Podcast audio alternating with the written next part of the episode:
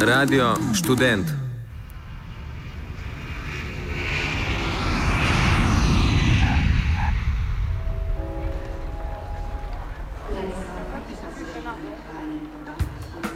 Terminal.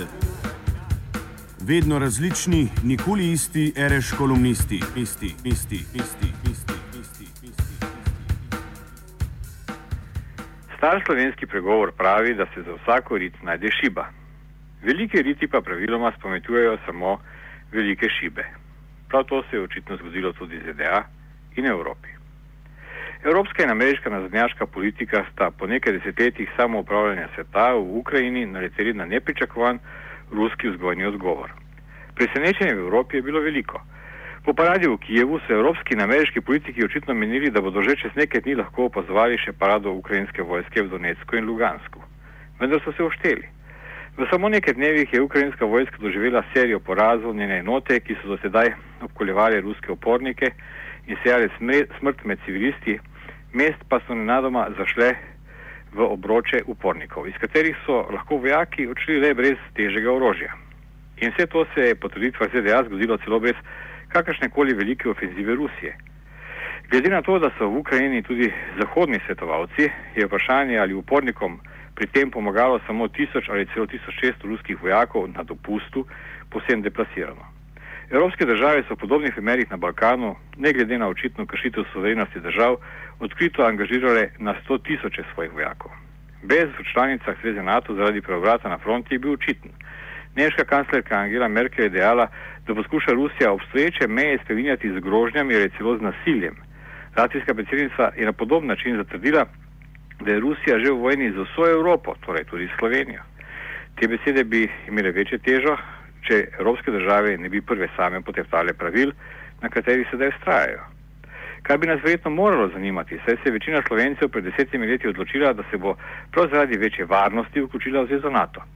Vsa opozorila o tem, da se vključujemo v napadalno zvezo, ki bi morala biti preprosto ukinjena, ker je izgubila kompas in se zapleta vse več spopadov daleč od svojih meja, so bila za manj. Iz današnje perspektive je, na primer, vse zabavno prebirati stare časopisne članke o tem, kako so nas leta 2004 v vladi prepričevali, da se je potrebno v NATO vključiti zaradi omejevanja migracijskih tokov.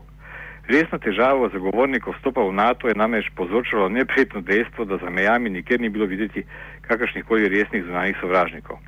Na vprašanje, kaj bo Slovenija s članstvom pridobila, je tako naprimer vladna spletna stran sporočala, da je Slovenija zaradi svoje geografske lege izpostavljena učinkom množičnih ilegalnih migracijskih tokov in drugim oblikam delovanja organiziranega kriminala, kot naprimer nedovoljene trgovine z orožjem, prekupčevanja z mamili, ter da se zaradi negativnih posledic teh pojavov zmeraj znova izpostavlja potreba po zagotavljanju trajne varnosti in stabilnosti Slovenije.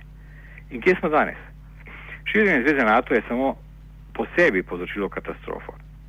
V Ukrajini je že več kot 2600 mrtvih, beguncev je že več kot milijon, razvijanje se meri v milijardah dolarjev, medsebojne sankcije med EU, ZDA in Rusijo bodo odnesle dodatne stotine milijard, države Brika se intenzivno povezujejo, poročila OZN pa kažejo, da bo kriza v Ukrajini trajno destabilizirala vso Evropo in jo izpostavila povečani migraciji, nedovoljeni trgovini z orožjem in mamili in kriminalu. Za vse to bi bila po oceni Nobelovega nagrajenca za mir Baracka Obame in ostalih voditeljev članic NATO, ki so se pravkar zbrali v britanskem Velsu, seveda kriva Rusija, svojo ekspansionistično politiko in agresijo do Ukrajine. Vendar pa takšno poenostavljeno razumevanje nastanka krize zanemarja marsikaj. Naprimer to, da so ZDA za spremembo režima v Ukrajini porabile okoli 5 milijard dolarjev, da bi bilo krizo mogoče zlahka rešiti, če bi še pred podpisom pridružitvenega sporazuma z EU z Ukrajino dogovorili za kompromisno rešitev, ki bi upoštevala tudi želje rusko govorečega prebivalstva države in tako naprej. To da ne. ZDA se pod, so podpirali samo politiko prevrata, ker so na oblast prišli prozahodni izbranci Washingtona o podpori desničarjev, ki celo v vojaških enotah nosijo embleme nemške nacistične vojske. Sveda je res, da se vzhod Ukrajine brez podpore Rusije ne bi mogel učinkovito opreti vojski Kijeva. Toda vzhodne države, ki so s takšno lahkoto podpirale najrazličnejša separatistična gibanja v Evropi in po svetu in so leta 2008 večinoma priznale prvo enostransko spremenjeno mednarodno mejo v Evropi, res nimajo nobene moralne pravice do kritike Rusije ob njeni očitni zelo omejeni pomoči upornikom.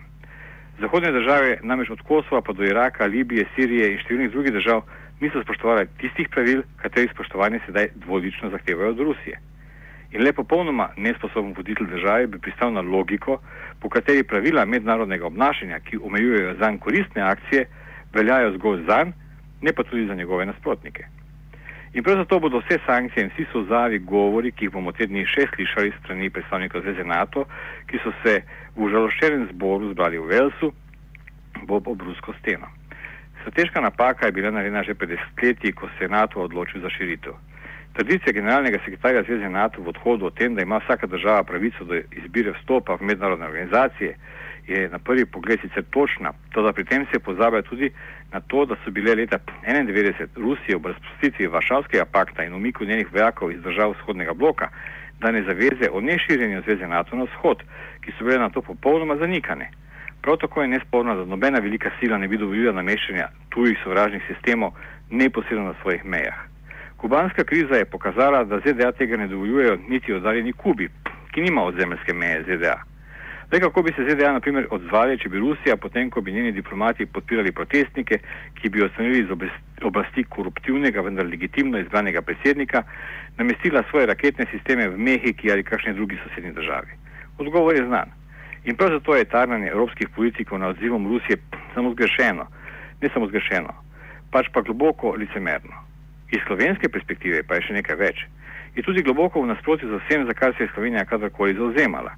Popolnoma nerazumljivo in skregano za vso slovensko zgodovinsko izkušnjo bi bilo podpirati ukrajinski centralizem, v katerem Kijev brez podpore lokalnih skupnosti namešča osovražene tajkune na gubernatorska mesta v vzhodnih, v vzhodnih ruskih regijah. V SFRJ smo vse politične funkcije, tudi v Socialistični republiki Sloveniji, izbirali sami v Sloveniji, pa je ob koncu 80-ih let kljub temu počilo zaradi svojega novinarjem v tujem jeziku in podobnih ekscesov kako danes ne razumeti vzhodne Ukrajince, ki si želijo federalizacijo ali celo konfederalizacijo države. Si bo Karl Rjavec nekaj teh preprostih besed upal povedati kolegom, ki še vedno nakladajo le v ruski agresiji?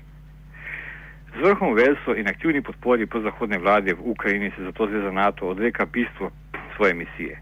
Obrambi članic po načelu napad na eno in napad na vse, pač pa znova krepi svojo doktrino intervencij. Že v strateškem konceptu leta 1991 so članice NATO potrdile privrženost doktrini zastraševanja. NATO v svoji doktrini tako na primer zagotavlja, da se na akcije svojih nasprotnikov ne bo odzval na vnaprej določen način, temveč fleksibilno, kar pomeni, da je napad z konvencionalnim orožjem mogoče odbiti tudi z atomskim orožjem, pri čemer zaveznik je skrbel za to, da nasprotnik ne bi izvedel, kako se bo odzvalo zavezništvo. Če ni bilo jasno leta 2004, potem je vse danes očitno. Da se je Slovenija z vključitvijo v NATO vključila v vojaško zvezo, ki temelji na nepredvidljivem zastraševanju nečlanic, grožnjah silo in jedrskim orožjem. Novi NATO je postal predvsem mehanizem za intervencije izven zem, ozemlja članic brez mandata OZN, njegovo širjenje v Ukrajino pa je bil bistven razlog in ne posledica ruskega odziva. Terminal je pripravil Igor Mekina.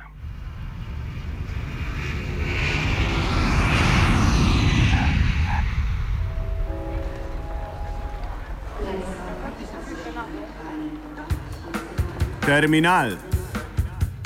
Vedno različni, nikoli isti, reš kolumnisti, isti, isti, isti. isti.